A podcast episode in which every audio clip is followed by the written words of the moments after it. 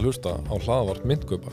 Myndgöp er vinsalasta leiðin fyrir Íslendinga til að kaupa og selja rafmyndir. Myndgöp hefur verið starrækt frá því í mæ 2020.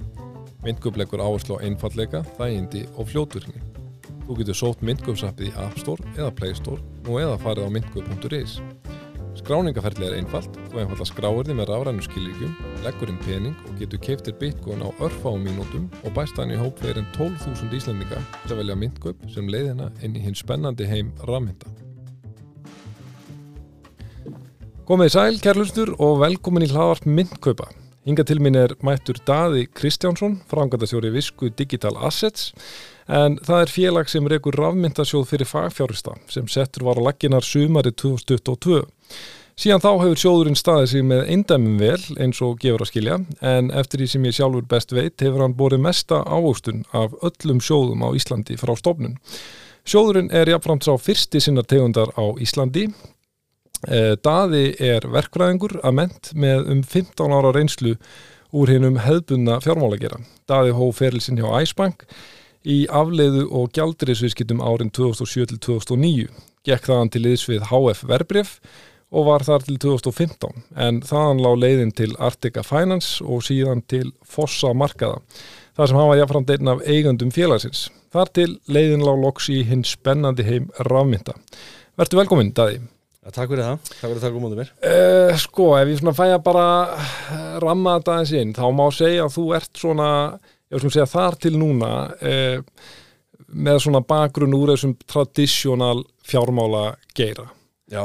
Og uh, augljóslega gert gott mót þar, þannig að svona, þetta er hónilega daldið hefur þótt svona áhugavert skref að taka í miðjum bjarnamarkaði sumari 2020 Já, 20, Sumari 2022 fyrir geðu Það var einnig þannig sko að við tilkynum um þetta ofinbeglega í lok janúar 2022 og, og hérna og þá er þess að kemur bara tilkynninga að ég sé að hætta í fossum sem var mjög erfið ákvörðun að taka en, en, en hérna og ætlum að setja fótina sjóð en, en við þetta getum ekki sett hann á staða fyrsta degi og þurfum að fá heimild til að reka sérhæðan sjóð frá Sælubankanum fjármáleftiliti Sælabankans og hérna, það kemur ekki fyrir bara í, í svona lókma í byrjun júni það svo heimild og, og við lonsum sjónum í byrjun júli mm -hmm. 2022 og, og þá vissulega hafði mikið gengið á þessa, þessa mánuði eins og í, í þessi muna í mæ og, og 2022 þar að lúna, terra lúna kerfið springur í loft upp og ég held að í þeirrium hafi slegið í 800 800 eitthvað hérna í júni 2022 Já, var það ekki líka í mæ 2022 sem Kína uh, hérna eða, Nei, það er 2021 2021, alveg rétt, 2021, já, einmitt, Það er ymmislegt sem við gengið að þessum gera og, og, og auðvitað eh, ég veit ekki hvort við byrja á góðum tíma því að þú veist það er náttúrulega þannig að þú gekk vel þegar við fórum á stað en, en, en hérna FTX springur náttúrulega hann strax í november 22 og mm -hmm. alltaf mikið áfall fyrir geran en hérna okkur tókst að tækla það og skila jákværa ástunna 2022 sem var já, mjög gott miða við held ég flesta kryptosjóði í heiminum. Þannig að hérna Þannig eftir á að higgja já, fyrir, fyrir ekki eftir á að higgja það var alltaf betra að byrja sumari 2022 eldur en segjum sumari 2021 sko, raun og veru. 100% sko, já. Já, já, en þú veist þetta er alveg búið að vera mjög kræfjandi vekkferð og, og hérna þó að séu eins og kannski förum betur eftir aðeins svona betri tíma núna að, að þá er þetta nú búið að vera að mikið gengi á síðastlina síðastlina tvö ár og myndur þú segja svona, þú veist eins og þarna þegar þú tekur þetta skref og þú náttúrulega þekkir algjörlega stemninguna og viðhorfin í einum svona hvað segja, hefðbunna fjármála sektor hérna á Íslandi Já. myndur þú segja, og ég kemur að gef mér að hún hefði getið allt og jákvæð á þessum tíma Nei, alls ekki myndur þú segja að í ljósi ekki bara þessara mikilvæg verðhækana sem við erum að sjá núna heldur svona sífælt í auknum mæli vera að viðkenna bitcoin meira sem fjárfæstingakost og við ætlum að ræða heilmikið um, um þessa kaupallarsjóði hérna í þessu lagarpi núna eftir um, þessa, þessa spot ETF sjóði myndur þú sérðu eitthvað teikn á lofti að það sé að breytast viðhórun hér á Íslandi? Uh, já, uh, það er svona fólk er aðeins að opnast mm -hmm. uh, ég held að sé ef ég horfa á þannig að þú veist í, í loki janúar 2022 þessi tilkynning kemur þá held ég að margir hafi talið okkur vera ansi rugglaða eða, eða skildi ekkert í hvað við erum að gera. Mhm, en okkar sín hefur þetta verið frá upphafi að, að rafmyndir séu eignaflokkur mhm, uh, og muni vaksa meira en aðra eignaflokkar á næstu árum. Einmitt. Og það er kannski margir á þeim tíma fannst kjánalegt að tala um rafmyndir sem eignaflokk. En einmitt, það sem er einmitt að gerast núna með tilkomu stærstu eignastýringahúsa í heimi sem að er að stopna þessa kaupallasjóði eins og BlackRock og nú er það komið í gang og, og Fidelity og fleiri aðila að, að þá sko það er rosalega erfitt að horfa framhjá að þetta sé ekki alvöru, eign, nú er þetta bara að verða alvöru mhm, eign sem er viðurkend af stærstu uh, fjárfestinga, fjárfestinga aðlum í heimi eða eignastýringahúsum þannig að um, hef, þeir sem er að gaggrina þetta hafa kannski ekki droslega sterk rök lengur, þeir hafa kannski aldrei haft þau en þeir hafa bara, bara afskrifað þetta á þess að kynna sér málin og, og, og það er alveg erfitt að halda því fram að, að Larry Fink sem stýri stærsta eignastýringafyrirtæki heimi sem nú talar mikið fyrir Bitcoin, fyrir rafmyndum að- tala um hann sem einhvern vittlising því það er aldrei ekki svo. Nei og þetta sko, ég man ef við tökum myndgöð sem dæmi við fyrir mig loftið mæ 2020 og uh, þá man ég að sko það er bara við fórum um til loftið á, á helminguna degi þá, 11. mæ 2020 og þá voru mikil tíðindi að Paul Tudor Jones uh, kemur inn í þetta og ef ég man það svona nokkuð einn rétt að þá hvort hann hafi sett 50 eða 100 miljón dollara hérna af sínum vonusjóði sem hann var að stýra sem var með eitthvað um 5 miljardar dollara í stýringu og hann er spurður eitthvað á þá leið sko að, að hérna herðu, hefur þá svona ofur mikla trú á bitcoin hann spurður. Og ef maður rétt á svaran eitthvað á leið sko nei ekkit endilega en, en, en afstæða mín er bara þessi. Þetta er orðið það compelling argument. Þetta er orðið það mikil saga hjá bitcoin og það þrautsegt að uh, ég líti á það sem meiri áhættu að vera, sko, er og ekki forsvanalegt, segir hann, sko, að vera með zero exposure. Mm -hmm. Með, með, sko, með sko sjóði stýringu. Já, og þetta voru náttúrulega mikil tíðindi. Eh, svo skömmu eftir hana hvað ágúst 2020 þá kemur Michael Saylor inn í þetta með MicroStrategy og Nákvæmlega. svo svona þekkju þessu sögu. Og ég man sko þá þá held maður daldið en þá maður bara átt að sig ekki á hvað maður er í mikill búblu. Að já ok, heru, þessi kallar er komin inn í þetta nú bara hættir allavega þetta þú veist, eh, hérna einhverjir, einhverjir læriðir menn á Íslandi eða sem dæmi eða út í heimi sko bara afskrifa þetta sem einhverja vitleysu, þú getur enn verið á móti þessu skilur en, en þú eru þá að, að vinna einhverja heimavinn og koma með einhver meira afgerandi og, og hérna samfærandi rög akkurat. En svo er bara alls ekki og nú velti maður fyrir sér, ok. Uh, og ég mani mynd, við erum með fréttahorn hérna sko, sem við svona förum með að helsta af, af málum líðandi stundar og, og þegar þetta var samþygt innan 10. janúar þessi kaupallasjóður, þá segi ég í lok fréttahórsins að já, núna ætti maður allavega að vera laus við sko uh, sagt, þetta mótlæti, sko bara það sem þetta er ekki tekið alvarlega. Dæin eftir held ég þá byrtir eh, fyrirhandi þingmaður og, og fyrirhandi formaður hérna, félags fjárfesta grein þar sem hann talar um þessum pýrjöndur sindla túlípanna hefði sko já, og, og, og, og fjölmiðlar hafa nánast ekki sagt múk um þetta sko þannig að eh, Nei, en ég meina, þú veist Þetta er bara slagurinn sem erum í þú veist, þetta er byggt á fáfræði eða þú lest grein þess að Einmitt. viðkomandi þingmanns þá er augljóst að viðkomandi skilur ekki hvernig Bitcoin virkar eða Bitcoin kerfi og, og því miður þá er ný, nánast alltaf verið að hvað við segja, það vantar alltaf almennilega rauksendafæslu og skilning á því sem verið er að tala um. Ég hef í sjálfu sér verið mjög hiss á því hvað eru margir sem eru tilbúinir að tjá sig um Bitcoin á þess að uh, skilja það, á þess að hafa lagt vinnu í að skilja það. Mm -hmm. og, og hérna, það því að þú veist ég er ekki að fara í, í, í viðtöl og tjá mig um eitthvað sem ég hef ekki kynnt mér Nei, eða e e eitthvað sem er mjög flókið og ég er búin að sk skoða það í eitt klukkutíma. Það, bara, það bara meikar enga sens þannig að í mínum huga sko, það sem er það hægt og rólega held ég að hvert við að fætur öður er að falla. Veist, það er, það er rosalega margir sem voru á mótisu síðan allt í einu uh, eru er fleiri og fleiri stórir aðalar að segja þetta er eitthvað til að skoða. Þetta er eitthvað raunverulegt og ég auðvitað á þetta sem verandi hefbundin fjármálamaður á, á hérna, árið 2019-20 sér var skoða þetta rosalega mikið fyrst.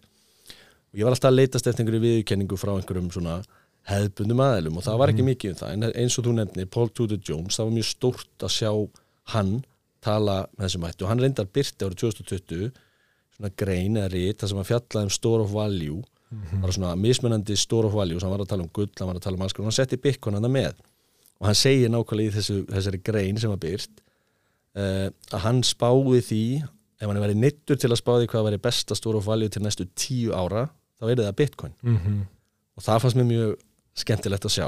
Einmitt. En aftur þetta eru svona einn og einn á stangli skiluru og Mass Mutual tryggingafélagi keifti fyrir 100 miljónir dollara í bitcoin 2020 mm það var svona einn og einn svona sem gast eitt og eitt svona atriði en það Einmitt. vantaði svona heildstæða þáttöku hefðbundna kerfisins og nú er það að breytast. Já, algjörlega, það, það held ég uh, bara, eða það er bara staðfest. Það, það, já. Já. Já, vel þótt að myndi ekki einu sinni bætast meira við þess að bylgjaldrum bara þessi sjóðir, það eitt og sérumverulega er sko miklu stærra atbyrðás heldur en mann er ekkert órað fyrir hérna 2020-2021 sko. Já, þetta er bara einn stæ, allra stærsta frétt í sögur ámyndagerans samþykki þessara kaupallarsjóði í bandaríkunum það er bara þannig. Og þá kannski ef við förum yfir það, hversu stórt er þetta? Því að nú er náttúrulega hlustendur laðarsinn svona á öllu skala skulum við segja, bæði með fólk sem veit allt um þetta sko en eins fólk sem er jáfnvel að heyra þetta í, í fyrsta skipti sko með þess að kaupa allar sjóði hvað erum við raunverulega að tala um hérna og hvert er vægið í þessu uh, svona til lengri tíma litið?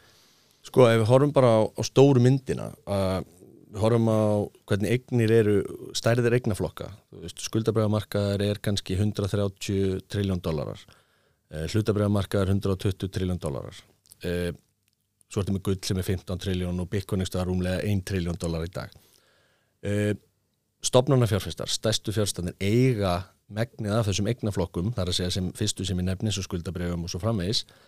Þannig að ef þú skoða bara hverjir eiga eignir heimsins þá er þetta stopnarnafjárfestar sem er mikið liggur inn í stórum eignastýringar aðilum þetta eru lífið í sjóður og svo framvegis sem láta BlackRock stýra eignunum sínum.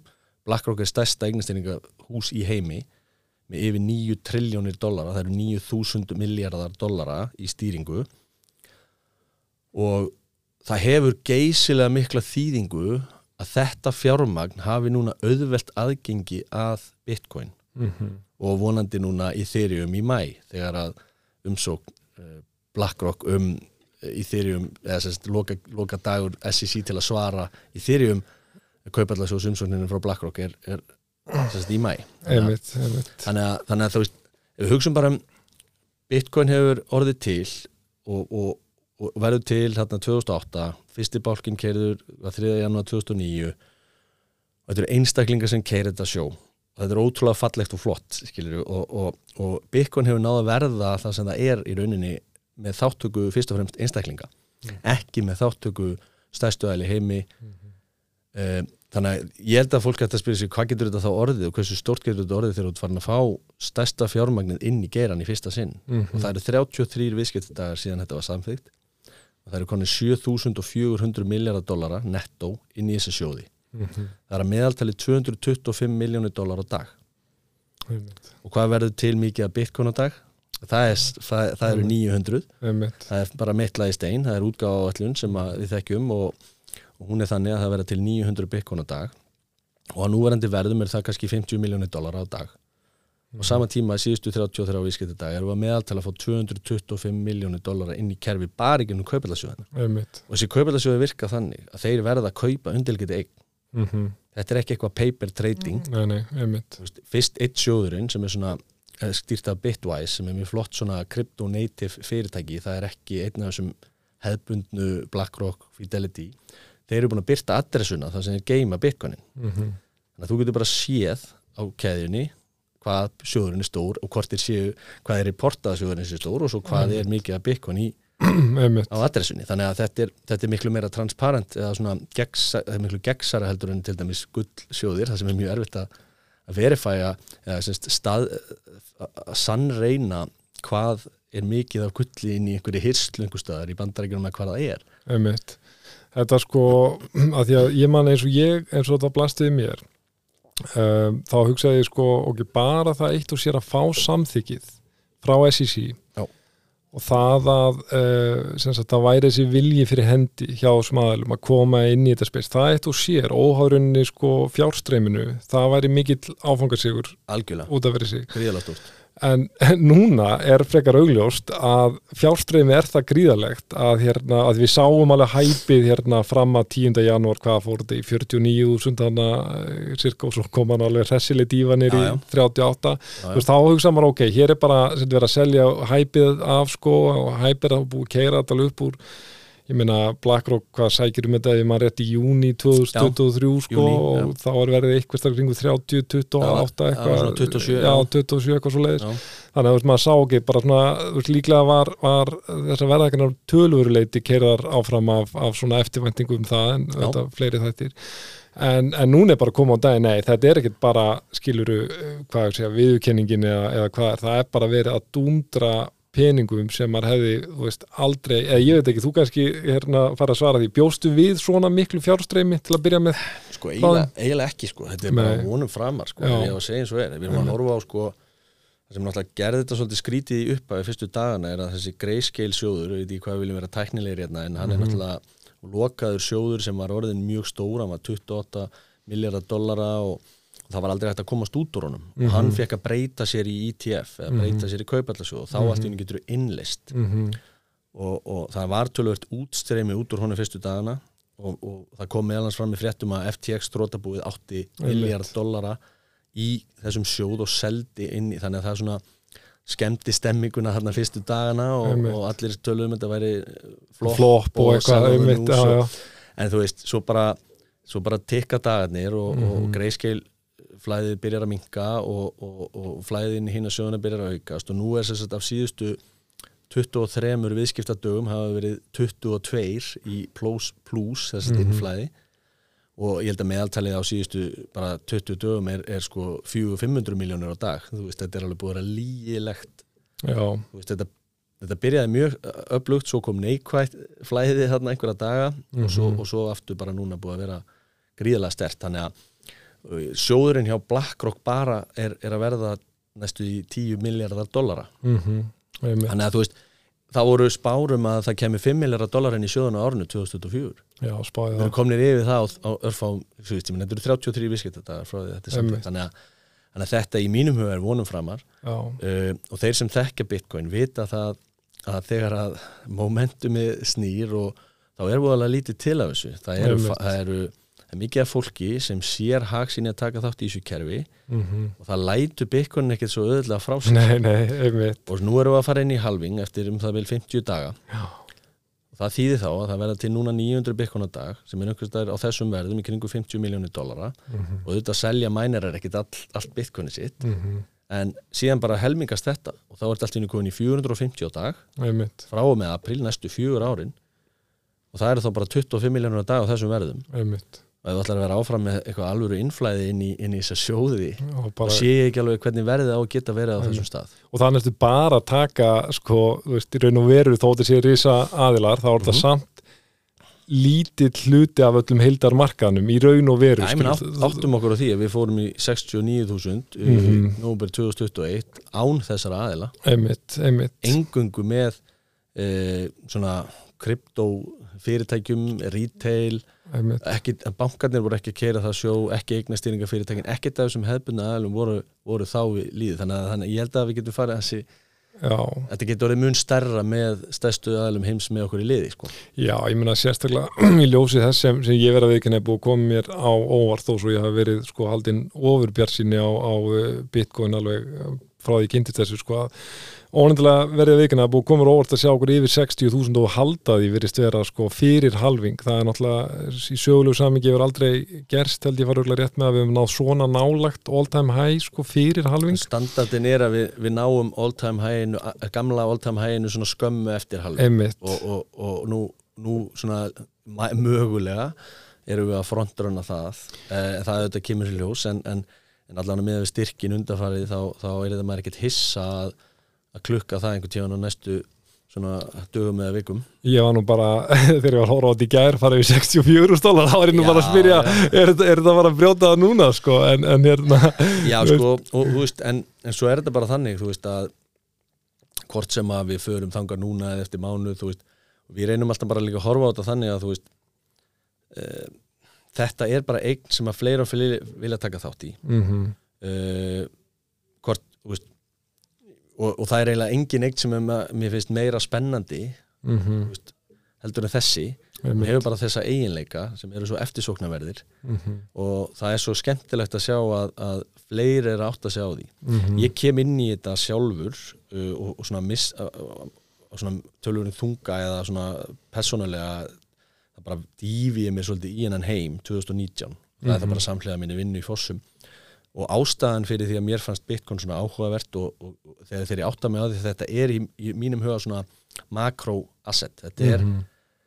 þetta er í rauninni hefur eiginleika þess að vera svona safe haven asset eða að vera geimst, örugt geimsluverðmæti hefur eiginleika sem að trompa svona, þann lina pening sem við höfum í hefbundikerfinu og það sem að kannski trublaði mig er að, að skuldabræða, ég er búin að vera á þeirri skoðun skuldabræðamarkaðurinn sé brotin eh, og sé í rauninni og þegar við tala um erlendis fyrst og fremst veist, öll, öll skuldabræðum er um enna óvertrið og hafa verið að borga bara mjög lélega vexti miða við þá verðbólgu áhættu og áhættu sem fjárfæst að taka Mhm. og en hefbundin eignasöfn sögulega af stórum fjárfæstum eru sett upp 60-40 hlutabrif skuldabrif Mhm. og það er að því að 40% hlutin átt að vera svo kallar safe haven Einmitt. og það er aldrei búið að sína sig í þessum verðbólgu skellum sem hafa verið núna undarfarið uh, og, þrátt, og, og menn voru að kaupa þessi skuldabref og 0% kröfu og alls konar rugl að þetta er ekki þetta safe haven sem að í rauninni sagan eða fólk vildi meina og það er akkurat á slíkum tímum sem að eignir eins og gull sögulega hafa komið sterkar inn Mhm. sem, ha- sem eru takmarkaðar hafa ákveðna eiginleika sé ekki hægt að fjölga einingum í umferð að þess að leggja eitthvað að mörgum raunverulega. Mhm. það er, það, það, ef þú ert með gull þá þarf þetta að fara í námuna og sækja og leggja raunverulega vinnu Mhm. til þess að auka magnið. Og það virðist vera lítið til að því. Það, er, það, hef, það hefur svona verið það besta sem við höfum haft til að vera þetta langtíma gemsluverðmætti sögulega. En svo kemur bara fram þetta stafræna gull Mhm. sem að mínu viti hefur bara betri eiginleika. Það er ekki margir í heiminum búinir að sjá það stórt hlutvall, það er mjög lítið hlutvall að heiminum farin að sjá það Einmitt. en þeir sem að virkilega stútir þetta og svo út frá þessum fórsendum sjá það er margt sem að það er hægt að fara rauk fyrir því að Bitcoin geti sint þessu hlutverki miklu betur Einmitt. hafa ákveðna eiginleika sem að gull hefur ekki sem eru betri Í raun og veru, sko, ef maður bara ber saman þessi eiginleika, þá er bara hefði stafrana gull, bitcoin, að öllu leiti langt um betra heldur en hefði fysiska. Nema kannski það má, það má, það má náttúrulega segja eitt, sko, og það getur ekki lítið úr því að gull er náttúrulega stærra, mjög miklu stærra. Já sko, og, og, það, til að vera algjörlega sengjarnir þá náttúrulega það sem gull hefur langt um frá Bitcoin er sagan Já, og, og, og, og þú veist það eru mörg þúsund ára saga einmitt, þess vegna er ég á þeirri skoðun að gull er ekkit að fara neitt Nei, gull er ekkit, hérna, ég held að harðar eignir Mhm. muni sæki sér veðrið mm á Mhm. næstu árum vegna þess að óstjórn í peningamálum er gríðaleg, skuldaaukning er algjörlega gengdarlaus víðast hvar. Mm og harðar eignir uh, er svarið við slíku. Einmitt, gull mun í mínum huga alveg hérna eh, svona verja kaupmátt sæmilega já, já. en líklega ekki eins vel og bitcoin. Og það er kannski síðan bara veist, önnur umræða sko en, en. Nei, ég held ég, held ég takja alveg undir það en, en líka það sem maður hefur fundið að, að svona fyrir þá sem eru að pæla mikið í svo einmitt, þú veist, að því að ef þú ert með ákveðna fyrirvara á þessu hvað sé, hefðbundna peningakerfi og hvernig þú átt að verja kaupmáttinn og, og þínar í honum þá, þá einhvern uh, liggulegin yfirleitt í að pæla í gulli sko og Já. svo ef maður er svona sæmalega upplýstur þá einnig bitcoin og það sem maður hefur fundið að það sem svona margir heillar svo mikið af bitcoin samanborðu gull er að gefum okkur að unsan fari í bara 5.000 dólara, segjum bara unsan fara okkar parabóligrön Já. að þá auðvitað verður sko sett miklu meiri kraftur og, og vinna og kostnar í að grafa þá verður ekki, ég man ekki hvað er að tala um eitthvað 2000 tonna á árið eitthvað sem verður að, að, að hérna, bæta við að, að, hérna gulli sko. Já, og, og það svo skemmtileg setning við þetta sko, við höfum notað þessa setningu sko, Bitcoin er eina verðmætti í heiminum eða eina eignin í heiminum þar sem frambúð er óháð Þetta, ég þekki ekki aðra eign sem Nei. er með þeim hætti. Í hvert sinn sem að eitthvað hækkar Mhm. þá hafa menn hagað því að búa til meira af því. Einmitt. Það á vissulega við um gull en það hefur þó aldrei verið þannig með gull að, að sko, menn hafi fundið einhverja ofgnótt en, Nei, nei. en, en það er hins vegar alltaf það verður ákveðin svona sveiflu jafnari. Ef gull verður tvöfaldast í dag þá hafa fleiri hag af því að sækja meira af því. Mhm, og það er gull í jörðinni, það er bara kostar að sækja og svo framvegis, þannig að það verður, menn hafa hag af því að sækja það á verðum sem eru tvöfalt hærri en í dag. Einmitt, og þá kemur meira frambóð mhm, sem að dempar verðið. Og, og, en bitcoin er náttúrulega þannig úr garði gert að bitcoin kerfinu er alveg nákvæmlega sama hvert verðið á bitcoin er. Einmitt, bitcoin kerfi keirir bara eftir fyrirfram greindum, fyrirfram greindum struktúr. Mhm, þetta er rauninni bara peningakerfi sem að við vitum hvernig keirir og frambóðskurvan er fyrirfram ákveðin. Og ef bitcoin kostar 10.000 dólar í dag eða miljón dólar í dag það bara verða til 900 á dag. Mhm, það skiptir einhver máli. Einmitt, og svo bara aðlaðast sko, að, verðið aðlaðast bara einhverju eftirspurn og frambóði kerfinu er í rauninni alveg sama um verðið.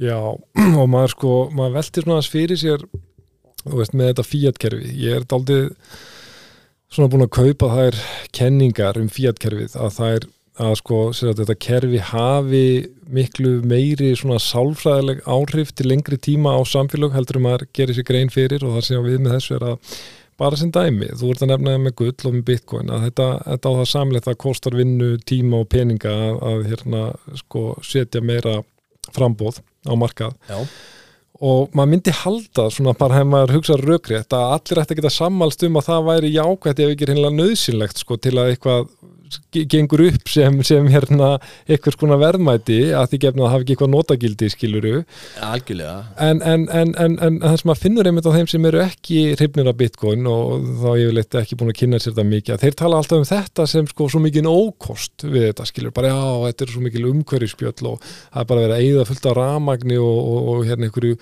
byggja einhver gagnaver og eitthvað. Og, ma og maður svona bara þú veist, maður lendir þeirri sérstöku stöðu að þegar þú ert raunverulega með uh, einhverja rauksandafærslu sem þú er tilbúin að matreiða sko, sem mjög sterk rauk en það er raunverulega verið að nota það sem sko mótrauk hinum megin. sko, ég held náttúrulega ég held bara að hugsa um eitthvað sem hefur verið því og pæli bara í hvað hefur verið því mm þá er allavega erfitt að fara raukverið því að eitthvað hafi gríðalegt virði sem hægt er að framleiða endalust af Einmitt. og þess að leggja fram neina vinnu. Einmitt, og það er akkurat það sem hefur verið gert með, í nú, núverandi peningakerfi. Og þetta hefur ekkert alltaf verið svona. Nei, fólk verðist halda þetta sé kerfi sem er alltaf verið við líði svo er aldrei ekki.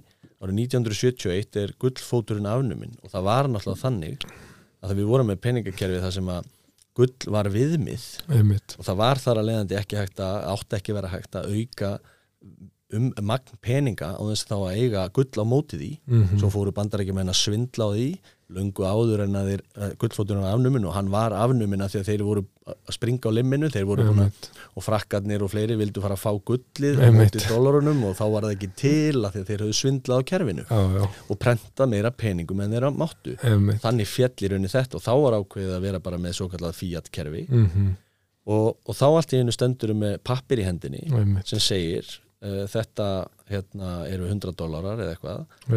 Og, og þú eru bara að treysta því að ríkið hægi sínum málum þannig að það rýr ekki vergildi peningana en um of. Einmitt, og framan af gekk það nú bara nokkuð vel. Já, en það er heldur betur búið að breytast og sérstaklega frá fjármálarhrauninu 2008 mhm, að þá hefur náttúrulega prentvélin verið á yfirsnúningi meira og minna. Einmitt. Skuldaukning bandarækjana er algjörlega stjórnlaus. Mhm, þar sem að skuldur eru komnar í yfir 34 triljónir dollara uh, og eru bara þetta er að verða svona svo kallar debt spiral. Og, og vakstagreðslu bandaríska ríkisins komnar yfir 1 triljón dollar á ári. Einmitt, 1 triljón dollar á ári eru 1000 miljardar Vist, þetta eru tölur sem er eiginlega hægt með, fólk er hægt að skilja. Einmitt. Og þetta er meira heldur en hernaðar útgjöld bandaríkjana skilur, þetta þetta er alveg í fyrsta sinn í allavega ára tugi sem að vakstagreðslur fara Einmitt. yfir hernaðarútgjöld sem er eitt stærsti útgjöldalið bandaríkjana þannig að þetta er risamál. Ég meina og hvað þetta búið að vaksa ég man, ég var nú fyrst byrjað að pæla í þessum tölum svona um það leitið þegar Obama er svarin í embætti í janúar 2009 og þá ef maður rétt voru þessar skuldir sko 8 triljóni dólara Já, og þá var það svona kringum 60% af landsframæslu Já. þannig að það skipti máli að setja þetta í samhengi. Einmitt, og, ef- og hérna, það er alltaf að skulda 34 triljónir dólar ef landsframæslan er mhm, þeimun meiri en, en svo er bara ekki. Einmitt. Þannig að nú er svo komið að, að, að skuldir af landsframleyslu slagi hátt í 130% mhm, uh, þannig að og það hefur í öllum í, í, ef þú skoðar heimsöguna og þau lönd sem hafa verið með slíka skuldsendingu mhm, þau hefa nær undantekningulegst uh, sagt, og, og þá með mismunandi það annarkort hafa þau bara ekki borgað á lánunum sínum einmitt, eða þau hafa framkallað það mikla verðbólgu að þeir borga tilbaka í, í verðminni mynd. Það er að segja það kemur mikil verðbólga sem þinnir út uh, skuldirnar og, og það er auðvitað kannski líklegasta scenaríu eða líklegasta svona sviðismyndin næstu árin að, að bandaríkin einhvern veginn farið þá leið sko. Þess, og það er akkurat ástæðan fyrir það verður fræðilegt að eiga skuldabref á nafnvöxtum til 10-20 ára já. og þau getur farið hans ítla í slíku umhverfi. Já, sko það sem ég finn alveg mjög skýr merkjum núna í dag sem, og búin að finna myndi ég segja alveg rúmlega ár sem var alls ekki einkennandi hérna að því sko náttúrulega mjög stór hluti af, af rauninni starf sem myndgöperi samskipti viðskiptafinni, þannig að maður finnur þetta aldrei svona stemningun og viðþórin hjá fólki og ef við tökum bara svona, það var náttúrulega svaka manja 2021 og, og spenningu 2020 og svona. En þá var þetta bara fyrstur en það að Bitcoin var spennandi og fólk vildi 5x og hvað það er og græða pening, gott og blessa eh, svo byrjaði maður að merkja það bara svona nokkuð ítrekað. Þeir sem voru að koma inn sko, við skulum segja bjarnamarkaðanum og svona þegar bjarnamarkaðan var rétt af sér að þá var fólk reynilega miklu upplýstara um þessi makró sko, efnæðslegu hugtök og fyrirbæri og var bara raunverulega sko komið herru, ég bara sé ekki aðra leið færa til að bara verja sko það litla spari fyrir sem já, heldur en að geima í bitcoin og þannig finnum maður bara svona ok þú veist, og, og þannig hefur náttúrulega miklu meiri trú hvað við segja á að fólk sem er sterkar hendur sem er að koma inn í þetta á þannig forsendum heldur en eitthvað sem er eiginlega ekkert búin að kynna þess að þú vil bara 10x að 100 áskall skiluru Já, ég held að, ég held líka sko stóramáli í þessu er að, að ég hvet bara fólk til að kynna sér bitcoin og kynna sér peningakerfið. Einmitt. Og ef það leggur á sig þessa vinnu mm þá er ég nokkuð vissum að það muni sjá þessa sömu mynd og við erum að sjá. Algjörlega, það eru hins vegar svo fáir sem og þetta er flókið, bitcoin er mjög flókið konsept og það er sagt að þú þurfa að minnst okkur 100 klukkutíma til að ná sæmilega utanum það. Einmitt. Og ég held að sé að hans er fáir búin að leggja það á sig og, og í einhver leiti skilja það en ég myndi hvetja fólk til að byrja. Já, og síðan þarfstu náttúrulega líka að ná ákveðnu grunn skilning á peningakerfinu einmitt, og horfa á þetta allt í saminningu og þetta krefst vinnu. Einmitt. En það er það sem er svo skemmtilegt við hvað við segja þetta samfélag mm bitcoin samfélag og rafmynda samfélag að, að sko e, fólk er orðið mjög svona djúft þengjandi í Já. efnaðasmálum og, algjörlega, og ég held að það sé alltaf til hagspóta hvort sem þú farir hérna, þungur inn í bitcoin eða ekki eða hvað sem, þú veist, fólk bara stýri því Já. og þarf að fara að valega öllu sem það gerir og, og nálgast málinn skinsanlega mm en ég held að vera engi svikin að því að kynna sér þessi mál og leggja vinnu í að skilja bitcoin og skilja efnaðaskerfi betur. Já, því að sko, ég held að sé alveg sama hvað fólk uh, finnst um bitcoin og, og hver örlug bitcoin uh, hérna verða. Að það er enga veginn hægt að held ég þrætum þá staðarind að bitcoin hefur uh, eld fjármála vitund og fjármála læsi þeirra sem pæli þessu alveg gríðarlega. Það er algjörlega augljóst og, og, og, og ég myndi reyndar vilja nota sko frekar en að segja flókið þó ég skilji hvað og yfir sko að þá, þá lít ég alltaf á þetta hann þetta er ekki endilega flókið en þetta er tórmelt myndi ég Já. segja. Þetta, þetta þarf að vera alltaf tíma í meltingunni Já, til að ná utanum þetta. Sko ég hef oft líst þessu þannig og þetta snýst ekki um að vera klárastur í heimi eða, eða hérna, eitthvað slíkt. Ég hef líst þessu, það þarf bara mikla vinnu og ég hef oft líst þessu eins og þú- þúsund púsla púsluspili. Mhm, og þú getur verið klárastur í heimi Einmitt. eða tregáaður þú getur alveg klárað þetta púsla, það tekur kannski mislangan tíma. Aha. en báðir þessir aðalar verða að leggja á sig vinnu Einmitt. til að sjá myndina Þetta er mjög góð, mjög góð sumir sjá hana snemma. Skilur, þeir sem eru mjög klárir þá sjá hana aðeins fyrr þó að púsli sé ekki alveg klárt. Hinn þurfa að klára púslið og tekur lengri tíma. En það þarf bara að gera vinnuna. Þannig að veist, fólk má ekki vannmeta það. Það er hörku vinna að ná utanum þetta. Já, e- sama hvað út með í grindavist ekki, ekki spurning sko. Ég hérna sko eins og, eins og ég líti á þetta ég tek heilsurundi það að maður þarf að setja sko allmikla vinnu og, og eitthvað eins svona tilenga sér já bara öll helstu hugtökin og, og svona rökin og, og, um, og ná utan um konseptið svona skulle við segja abstrakt sko, það er fyrsta skrefið. En svo myndi ég segja og ég myndi aldrei skemmtilega sögur svona til að nýkja á því að hérna e, það þarf til að þú algjörlega sért komin um borð og bara þannig um borð að þú ert aldrei að fara einu svona lítum aukslaftur að þá vera tilfinningarnar sko líka að eitthvað meðtaka þetta, þannig að þetta er ekki bara vitsmunalegt sko, þetta er líka orðið já. emotional. Og já, já sögu sem ég get sagt að sjálfum mér, sem var bara nákvæmlega mómentið sem það kom. Það var 2020 og ég var hann að búin að vera bara í þessari kanínuhólu að lesa mér bara, þú veist, ég var hættur að sofa nánast mér var þetta svo spennandi sko. Og, og var algjörlega komið fannst mér öll rökin og gætt tekið á móti öllum mótrökum og, og nefndu það sko um, svo á í moment þar sem uh, vinu minn átti uh, 20 krónur inni hjá mér í bitcoin og, hérna, og ég var með 20 krónar ég, ég var með 20 krónar kass á mér. Og ég sagði, ég ekki bara láta að fá 20 skall hérna í kass og við erum, við erum kvittir. Hann sagði, nei, nei, látum bara fá, fá bitcoin. Og ég, ég var með hérna 25 ég ég látum bara 25 og við erum bara góðir.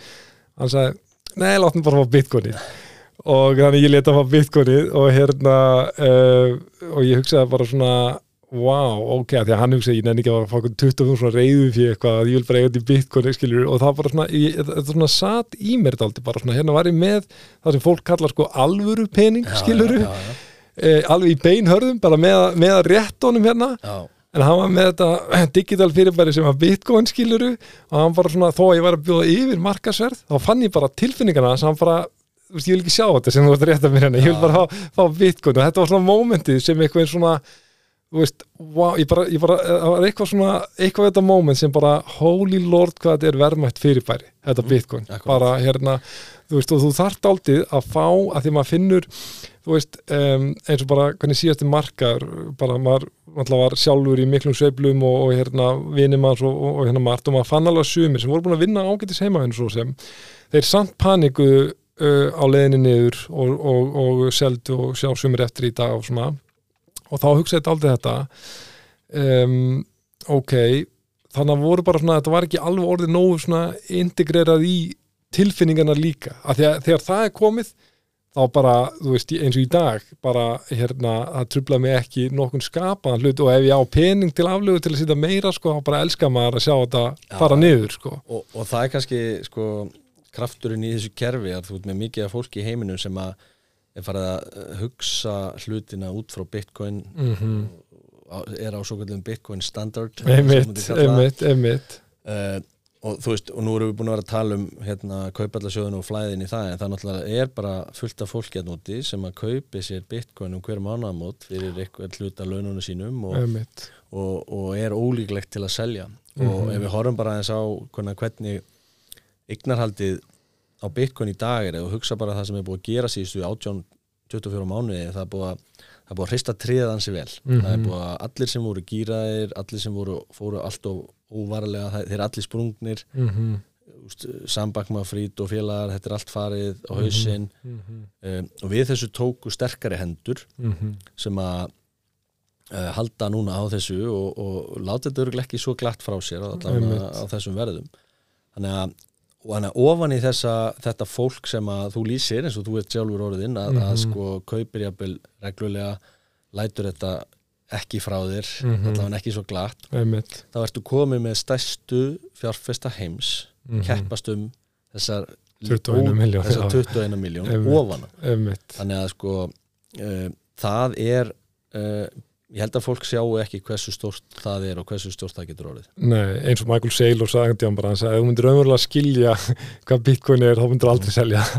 Já, já, sem er svolítið góður búndur og, og, og þetta er einhvern veginn allt bara kvatar þú veist, og, og þarna ertu bara með kerfi með ótrúlega flotta, flott kvatakerfi mm -hmm. Og það er það svona einn hluti sem þarf að skilja þegar maður fyrir að kafa onni í þetta einmitt, það eru, það eru svo réttir kvatar í þessu kerfi einmitt sem er eiginlega andstæðan við sko því miður, mm Mhm. svona efnaðaskerfi sem við búum við, það sem að kvatin er jafnan að uh, auka skuldir til skamstíma, Mhm. prenta peninga til að redda málum Mhm. og svo framvegist, það er svo erfitt að taka erfið ákvarðaninnar um að skila afgangi á ríkisrekstri, skera niður Mhm. og, og reyna að halda sæmilega heilbrið skuldarhlutalli kvatanir er alltaf print the money, eins og við segjum. Einmitt. Og ég meina, svo ertu bara með viðtölin hérna, nokkuð svona viðtöl við bæði Jerome Powell og fleiri sælbankamennin í 60 mínútum við erum bara að tala um þú veist, there's an infinite amount of cash in the Federal Reserve og þú veist, we just print the money and, veist, og, það, og það er bara eins og þetta sé ekkert mál. Og það sem er vandamáli við þessa, þessi skilabóð er að pólitíkusinni taka þessi skilabóð Aha, og halda því fram að geti gert allt fyrir alla að því við prentum bara meiri peninga einmitt. og þetta er auðvitað bara svona grund svona einhver leiti grundullurinn að svona mörgum vandamálum þetta er orðið bara ekki pólitíst en það er bara þannig að þegar þú heldur að geti gert allt fyrir alla og prentað endurasta peningum einmitt. þannig að er það ekki sust, sjálfbært, það gengur Nei. ekki upp og, og, og Bitcoin stendur fyrir nákvæmlega þið andstæða, þú þú þarft að íhuga vel í hvað þú uh, lætur peningarna í, skilju, þú þarft að þú þarft að hugsa meira í langtíma hugsun Mm en ekki alltaf skamtíma hugsun og plástarar og prenta.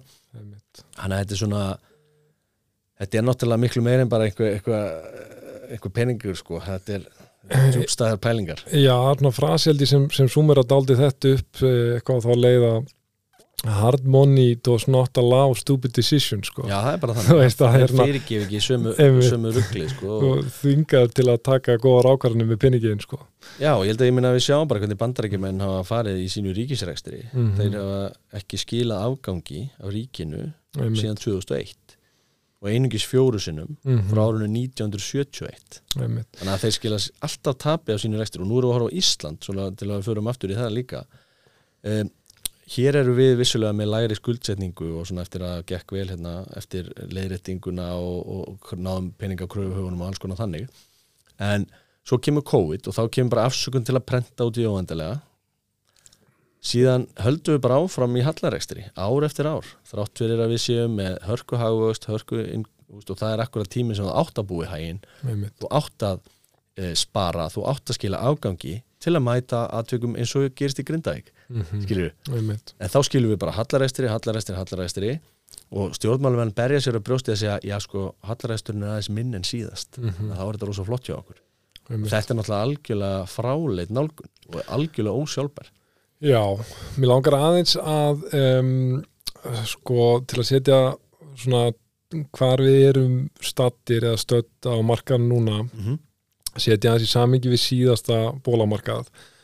Um, þegar við förum hana hæst í 69.000 í november 21 og um, það var mjög skríti markar mörguleita því að við fórum í 65.000 dólar í februar 21 sko. Já, og uh, svona það var allt eitthvað aldrei rugglingslegt það var mjög skrítið að- Tesla kefti og, og, og, og það var held ég bara fyrir einhvern 1,5 miljard dollara einmitt, sem er svona eins og þryggjata þess, það er búin að koma jafn mikið inn í þessari viku sko. en allavega það svona tvö þrefaldaði nánast verið á Bitcoin. Já, ég man Nei, við vorum februar 20 Já, ég held, að veri tilkynning kom held í janúar, Já, snemma janúar já. 2021 og við byrjum, ég man bara eftir þess að ég var hann að fylgjast með þessu bara á áramóndunum Já, að 21 fyrir göð við erum hann eða svo gott sem ég ákvara 30.000 meira minna þegar Já. áramótin eru, svo bara strax komin og þá höfum við sko rönnað upp úr 11-12 í Já. oktober eða já, eitthvað já, og, og rönnum þessu upp í 65 höldum þessu aldrei í svona 60 levelinu fram til apríl svo bannar Kína Einmitt, og- og- fyrir og- 30 og- júli og Musk fer að eitthvað tvíta um eitthvað Já. bull og jari, jari, jari um, en ég man bara að sko narrativi þannig var og ég skammast mér svona ekkert fyrir það. Ég var að einhver leitið aldrei svona seldur undir það, kannski ekki alveg yktustu spár en, en að við ættum tölvöld mikið inni. Ég man að City Group byrtir skýrslaðana vinnum í februar sem talar um 300.000 dólara bitcoin top sko, mér varst það nú kannski svolítið en, en mér varst svona 100k alveg mjög uh, raunæft þá. Þá var narrativið sko ok, nú eru fyrirtæki komin inn í þetta. MicroStrategy, Microsoft Tesla var komin inn í þetta. Líka, sko þó að kannski ekki mikið af þessum svona stóru sjóðum þá var samt manni Coinbase byrtir að vogunarsjóðir voru komin inn í þetta, Já. það voru þetta tíu af stærstu hundra vogunarsjóðum í bandaríkjunum með Já. reikningi á Coinbase, komin þetta ekkit fram hvað voru að velta mikið, en allavega Paul Dudu Jones og einhverjir. Ray Dalio var eitthvað að byrja að fjallum og svo framvegis. Stanley Druckenmiller kom Já, að, að, að, þessu, þessu leiti en þá man ég að þá var sko eftirvæntingin var mikilvægt því að man að Microsoft held, eða sett Michael Saylor held eitthvað námskeið eða eitthvað svona hérna, eitthvað, eitthvað kynningu. Já, fyrir fjármálastjóra fyrirtækja og eitthvað. Einmitt, sem var playbookið já, hvernig átt að koma uh, peningin í byggunni á skráðum félugum hann sagði ég er búin að ramma þetta inn það geti gert þetta á þreif mánuðum. Og það kom einhver svaka frétt bara 3000 fulltrúar eitthvað hérna að mæta á þetta. Þannig að það var svona okkur, það er að koma bara tsunami of capital inn í bitcoin frá institution Mhm. og, og skráum félugum Já, kannski ekki institutions endilega en, En, já, skrá, já, en, en, það, þetta reyndist eh, Alls ekki rétt. það gerist, það gerist ekki mikið ég held að það í veri þessu. fimm skráð félug ef Það maður var- rétt já, þetta, þetta náði ekki miklu flugi hjá þeim og það er Nei. líka alls konar ástæði fyrir því sem að þetta er til dæmis mjög bókarslega erfitt að díla við að að, en það er núna verið að breyta lögum þess Mhm. efnis þannig að það er sem sagt, þú máttir ekki bókfæra þetta á gangverði já, og það er mjög sérstakt en, en það er sagt verið að breyta þeim lögum núna ég held að taka gildi eða hvort sé búið að taka gildi. Þannig að það er svona orðið raunhæfar og eðlilega Já. fyrir félög sem eru til með skráð að gera þetta.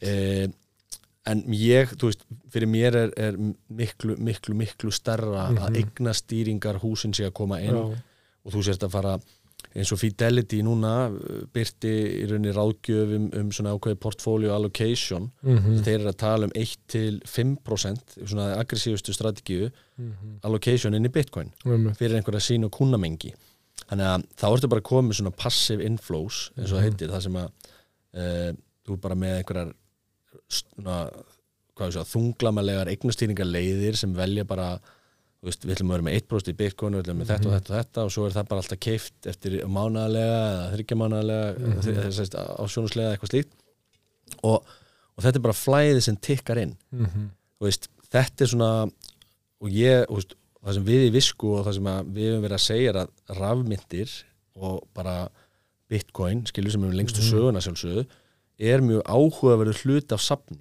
Einmitt. Þú veist, þessir aðlar er ekki að fara á bitcoin standardinn og vera 100% í bitcoin. Nei, en það að þessir tugir miljard, nei, tri- tugir triljóna dollara sem er í Mhm. eignastýringahúsum heimsins mhm, ætla að fara að allokita þó að sé bara 1% mhm, það hefur gríðarleg áhrif. Einmitt. Og þetta er miklu stærra mál heldur en nokkuð tíma en einhver fyrirtæki fær að taka þetta upp á að geima bitcoin á balansítinu sínu. Það væri þá bara addon on á þetta.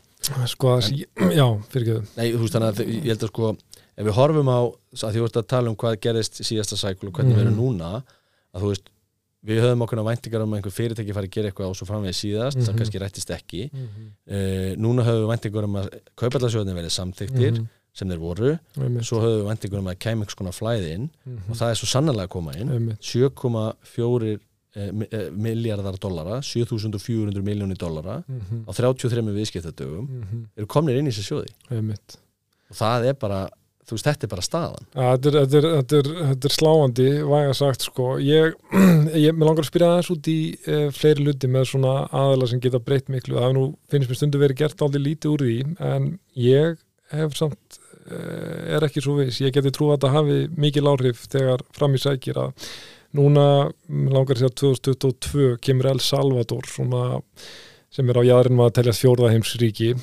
e, kemur inn í og gerir þetta að lögeri mm og kaupi nú ekkit fyrir eitthvað mikinn pening, ég man ekki hvort það ná yfir miljard dólar eða eitthvað en, en, Nei, nei, náði ekki. það, það var, held ég- en það voru alltaf eitthvað hundruð miljóna dólara já, og það var svona hleyja þessu, af þessu svona skilur ég bara já, einmitt til hamingju bitcoinerar að þeir fæl, skilur en, en svo voru hérna svo komið Afríku ríki sem er eitthvað sko, eða var eftir að tala um 15 heims ríki en, en ég velti samt fyrir mér, ok.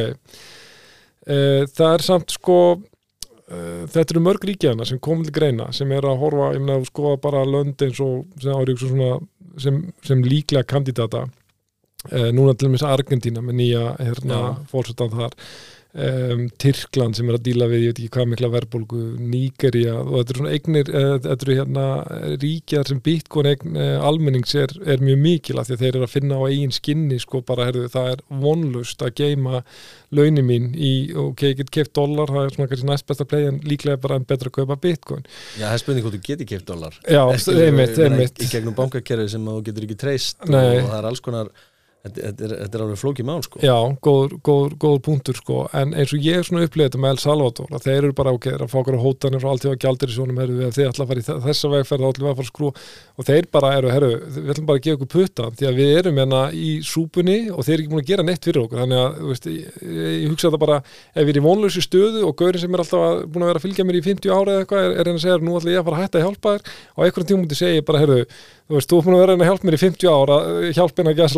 að ætla ég að að að bara, herru, er búin að vera að hjálpa mér í 50 ára hjálpa henni að gæslappa, ég er bara í vonlausi stöðu, ég ætla að fara bara í, í hérna þveru og átt. Og núna eh, ef maður að heyra mjög góðar fréttir af El Salvador í, í margvíslegum skilningi eh, glæpatíðinni, efnagslutir og, og annað um, og náttúrulega Bitcoin safnið er að búa að vaksa verulega sko uh, ég bara svona velti því fyrir mér uh, gætur þú séð þetta sem einhvern faktor uh, að fleiri þriðja heimsríki uh, færa að hugsa, herðu, þetta er mögulega leiðin okkar til að verða uh, efnaðslega sjálfstæð?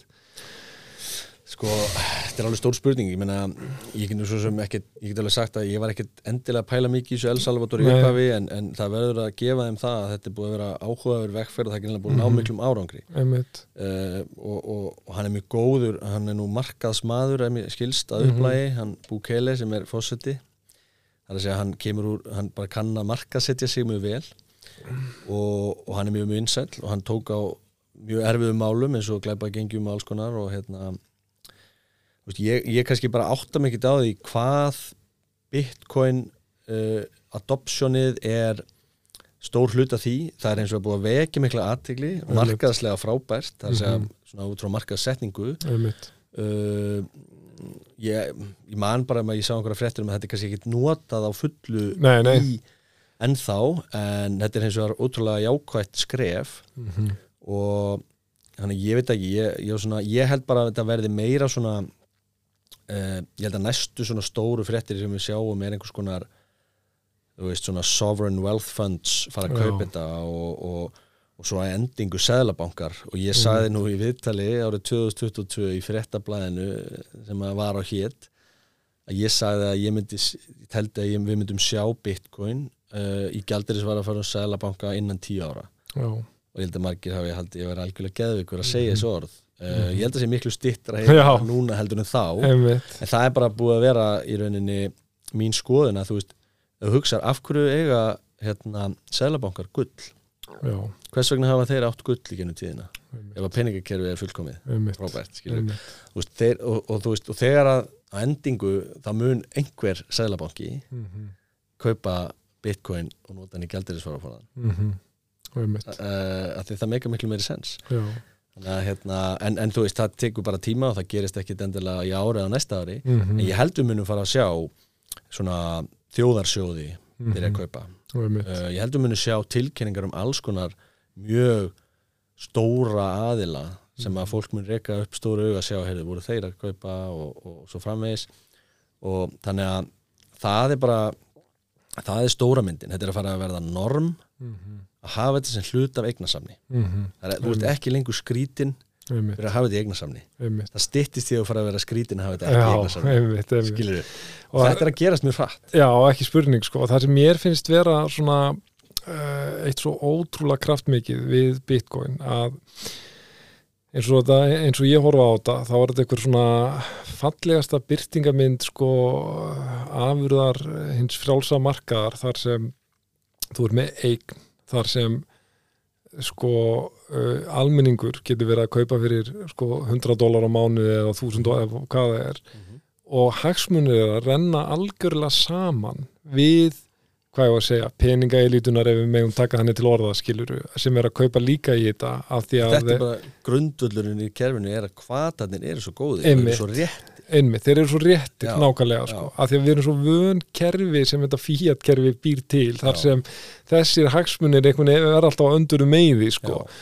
og, uh, og, og þá verður til alls konar polarisering í samfélagi og kerkja og, og, og hérna og ég vil nú svona meina ás að við ætlum að endla að fara í ómikla pólitík sko að hérna að oft er uh, spjótonum sko beint í ranga átt sko að vera runni, vega að hennum frjálsa markaði því konsepti, ég myndir um að segja sko meðan þú ert með miðstýrt peningakerfi og pening sko búin til úr engu þá er umlega vola erfitt að tala um sko eitthvað, eitthvað kapitalist kerfi yfir höfuð sko.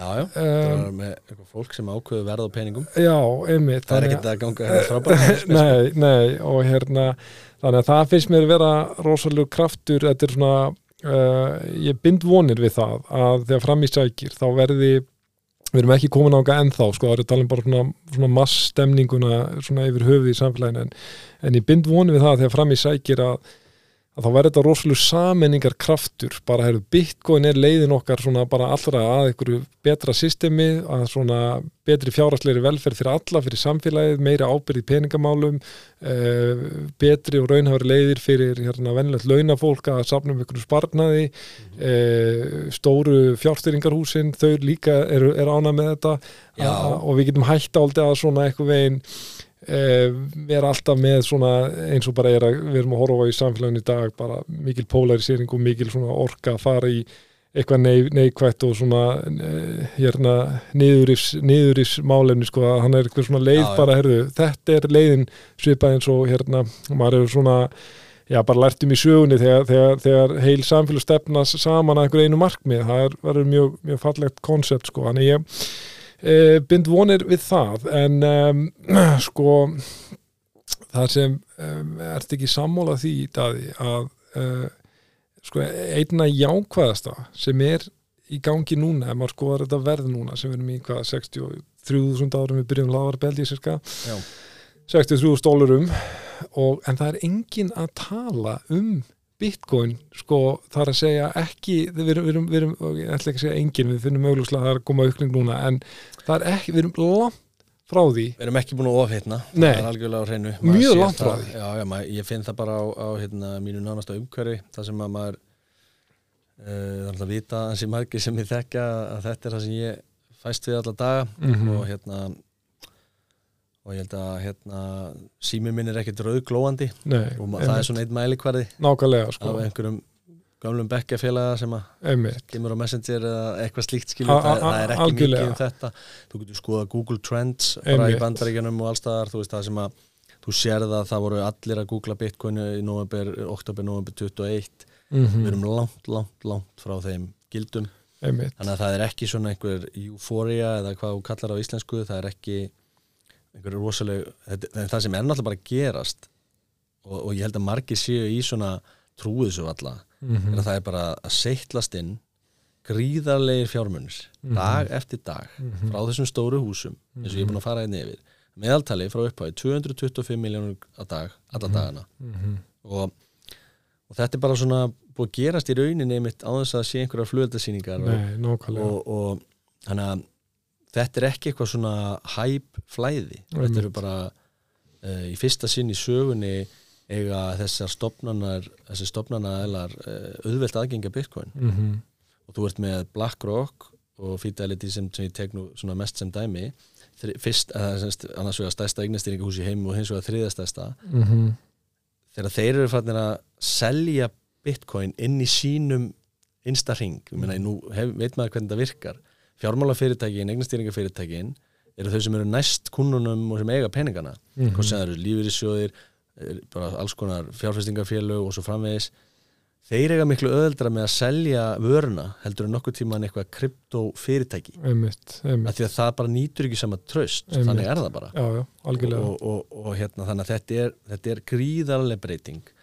Að, að Larry Fink setja sér bindið á mótnana Mhm. fari og selji bitcoin eða skiluru selji söguna um bitcoin einmitt, til allra sinna kuna einmitt það er bara það, það, er, það er og við erum vissi ámynda bara í flæðinu. Og, og sko, ef ég væri að hlusta á þetta og ég, þetta er raunlega spurning sem ég hef uh, og svo orðin að spyrja mig regla að sko mm, þessi atriði uh, sko að því marki sem erum búin að vera nefna staðarendir hérna núna í þessu spjalli sem er alveg tölvert mikið sko, þú ert að tala um þessa aðila sem eru að koma inn í þetta og, og svona þessa gerjun og þessar reyfingar vestana sérstaklega. Uh, þetta svona sko ef maður væri meðvitaður um þessar staðarendir Já. uh, þá held ég að það væri ógerningur fyrir mann að láta hafa eftir sér á ofnbjörnum vettvangi já, bara þau umvæli sem eru oft látin falla um bitcoin af sprenglarum aðlum hérlendis.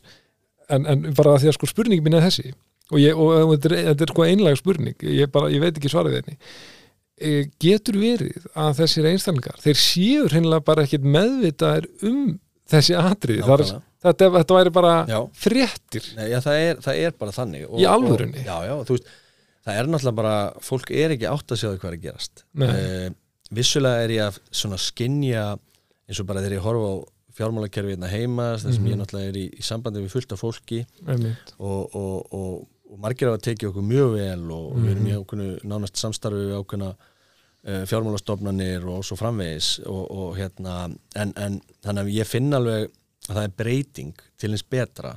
Mhm, en það er líka og ég meina við vorum í einhverjum svona, einhverjum svona fögnuðum daginn og, og, og þar voru alls konar fólk á fjármálamarkaði sem kannski ekki og, og bara skoðanir margar er ennþá bara alveg ótrúlega skrýtnar bara, já, bara, bara, það er bara eins og það hafi ekki lesið fréttir í þrjú ár sko.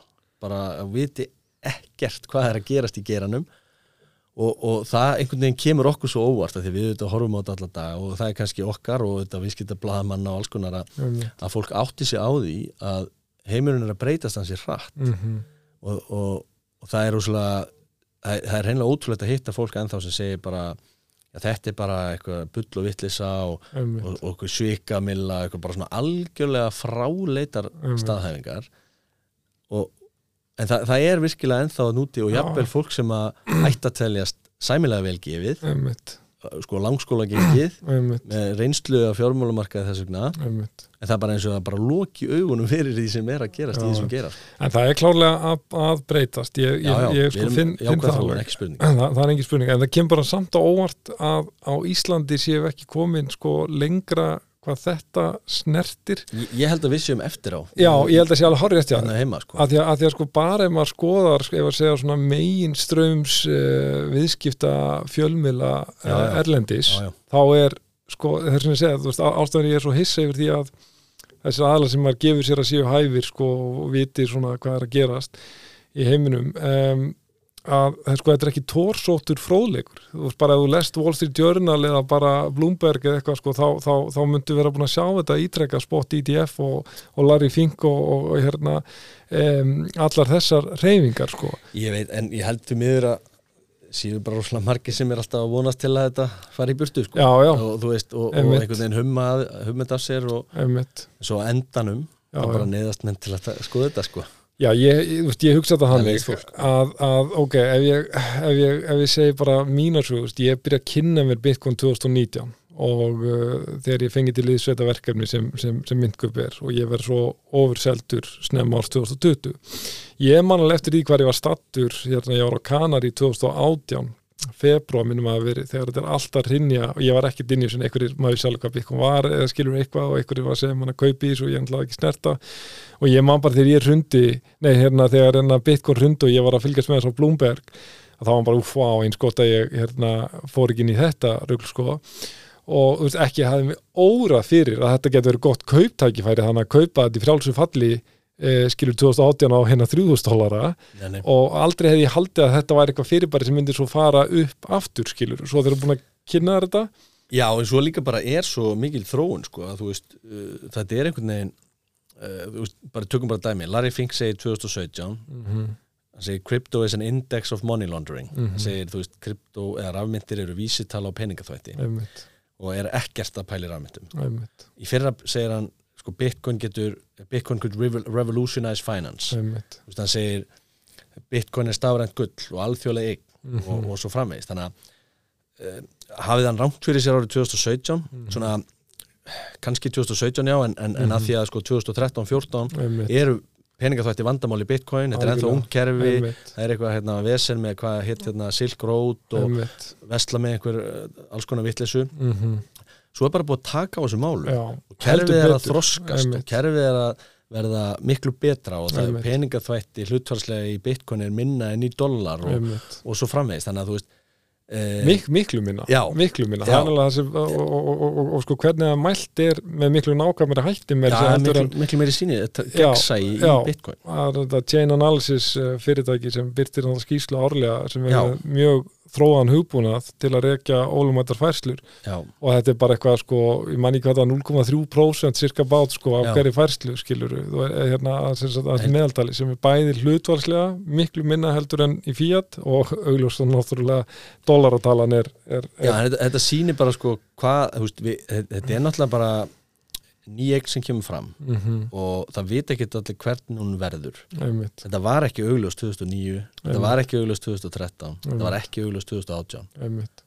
Þú veist, nú fer þetta að verða Frekar allavega einmitt, en það er alveg búið að vera svona rocky road Einmitt. komast ingað já, já, ekki og, spurning. og, og það er búið að og kerfið hefur þurft að þroskast og farið gegnum alls konar hindranir og, og svo framvegis. En, en seglan í þessu kerfi. Er Mhm. gríðarleg og ég held að fólk fatt ekki það er að færa allan að raugverið því að þetta sé frjálsasta kerfi sem þú finnur. Mhm, það er alltaf opið, mhm, þú getur keift og selt hvena sem er á mhm, sólarhengnum mhm. alla daga ársins. Það er engin seðlabanki sem kemur inn og stoppar viðskipti eða sprautar inn fjármagni eða vantar eða eins og í hefbundu mörgum ef að markaði lækkum til og með 7% eða eitthvað að þá bara þá bara markaði stoppaðir Mhm. það er tekið svona fundur og eða skilur það er bara, það er bara svona liftunum að jafna sig og finna, finna nýtt level Einmitt. til það er inngrip og alls konar þegar markaði lendi í vandræðan þá er bannaðar skortsölur og ég veit ekki hvað og hvað er ekkert af þessu í rafmyndageranum Mhm. þetta er frjáls markaður Einmitt. þetta er eiginlega alveg magna og, og, og fólk talar eiginlega alltaf eins og þessi í hinna áttina sko.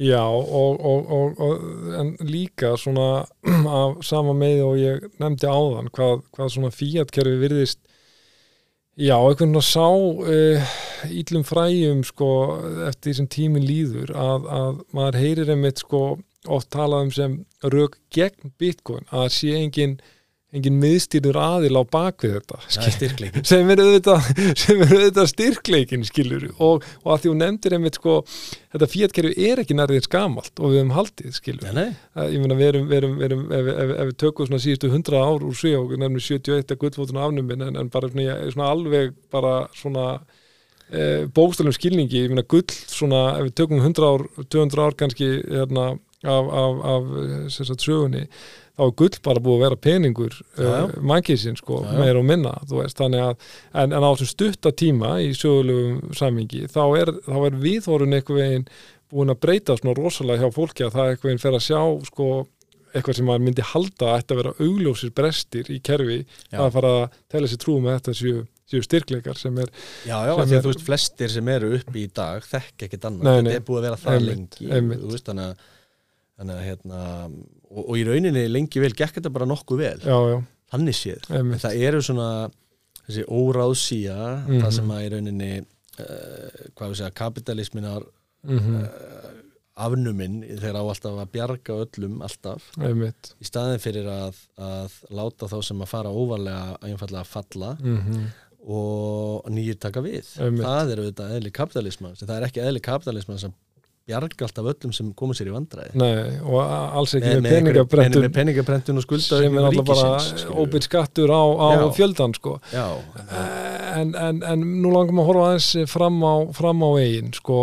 Um, uh, núna hérna rétt aðeins sko þegar, þegar, þegar uh, þetta snýst við hérna november 2021 úr bólamarka í bjarnamarka við getum nokkvein tímasetta þegar Páel uh, byrjar að hækka stýrivexti og uh, við erum búin að vera í háast umhverfi síðan þá Já. og margir uh, töluðu með mitt að bara meðan það umhverfi líði þá getur Bitcoin ekki risið sko en við erum Mhm. heldur betur búin að fara úr hvað var botnin 15.500 Já.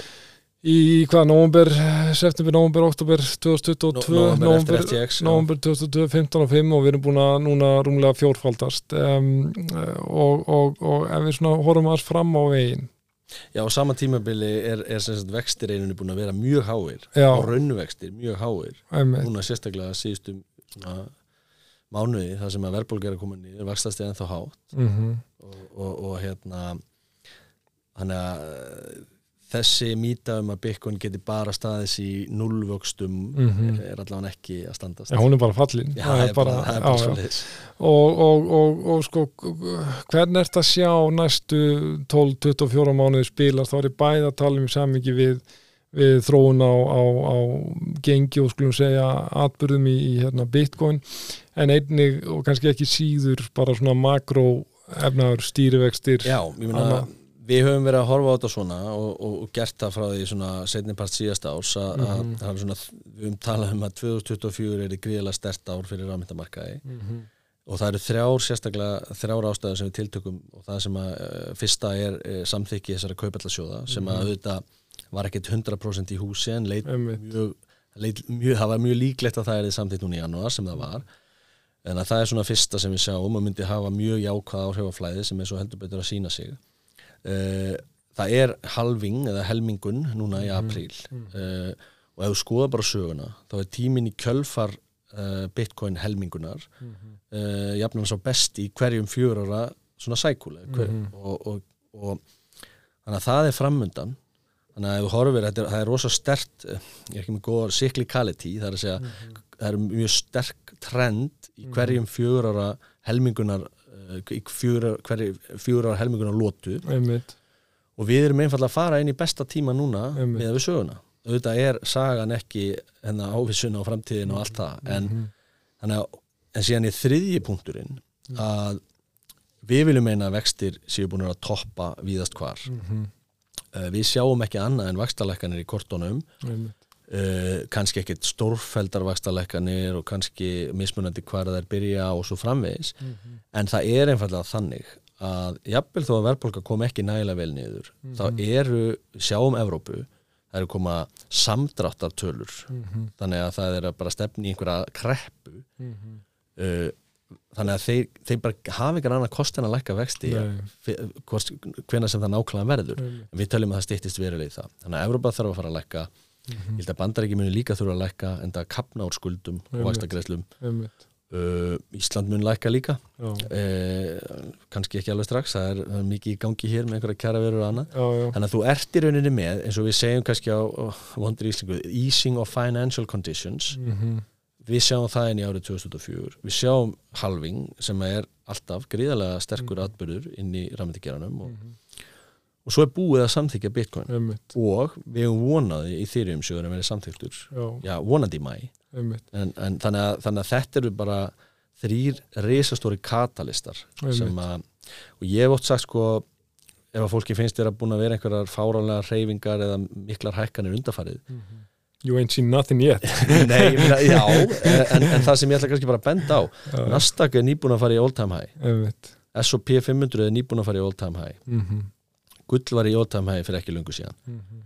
Bitcoin er ekki ennþá komið þangað, þá var ég að tala um í dollar terms. Við reynda klukkuðum all time high á móti krónunni í gær sem að kemur kannski aðeins fyrra því að dollarin hefur verið svona sterkastur af þessum fiat myndum þannig að það er svona að síðasta að að klukka hágildi þar. Mhm, um, en við erum, mér finnst mjög sérkennilegt að Bitcoin sé ekki komið þangað í ljósi þess að já, stæstu fréttir í sögu geirans Mhm. að eignastýringa húsin og að í rauninni bara að Bitcoin sé sett inn í hefðbundna fjármálakerfið. Uh, þannig, að, þannig að það er ekkert að koma okkur á óvart í rauninni hvað við erum að sjá þessar reyfingar undarfarið Nei, sko, þú veist, ef ég, ef ég, ef maður speklar það eins við síðasta markað, um, þú veist, auðvitað getur alveg sagt, já, ég meina, það er frábært að kaupa í mæ og kaupum vorið í eitthvað reynsinu 5 til 8 ást dólarar eða eitthvað skiluru, en, en hérna, uh, sem er auðvitað allt, allt rétt, en ef þú hugsa sko að kaupa í segjum uh, november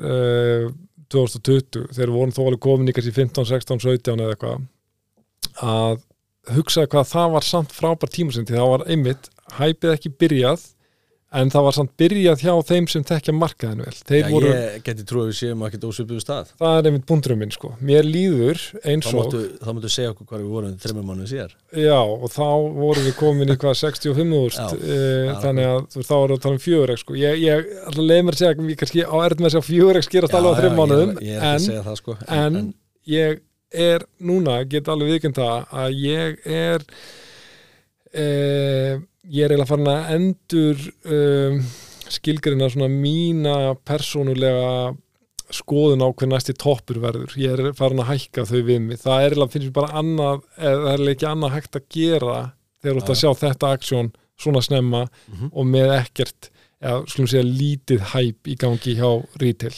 Algjörlega, ég er sammála. En það sem að kannski bara svo maður setur náttúrulega varna gláða þú veist, Mhm. það sem að sko, mér, mér, það maður færir rauk fyrir því að, að svona með tilliti til svona áhætta með tilliti til áhustunar á, mm -hmm. eh, hvað maður segja að kalla risk reward Mm hefur jafnvel aldrei þetta betur út en núna þegar það er búið að samþykja þessa sjóði þeir eru byrjaðar að koma inn með flæði og, og þú horfir á næstu 12-24 mánuði er, en, en svo að það sé alveg á hreinu, það getur orðið verulega sviflur á leiðinni. Já, já, og verða það já, alveg bótið og, sko. og þú veist, það er ekkert sem segir að við getum ekki fengið 20% dropp í næstu viku Einmitt. þegar bandaríkin ákveða að selja öll kóinni sín eða eitthvað skilju, það er alltaf eitthvað sem getur komið Einmitt. það er bara hluta af þessu. Einmitt. og það þarf auðvitað bara að nálgast þetta rétt og af ábyrð Mhm. og þeir sem ætla að gýra sig massíft og þeir getur bara sprungið á limminu Já, það er þá bara þeirra ábyrð en, en að horfa á þetta eh, ef þú trúir því að, að það getur verið svipaðar reyfingar og í síðasta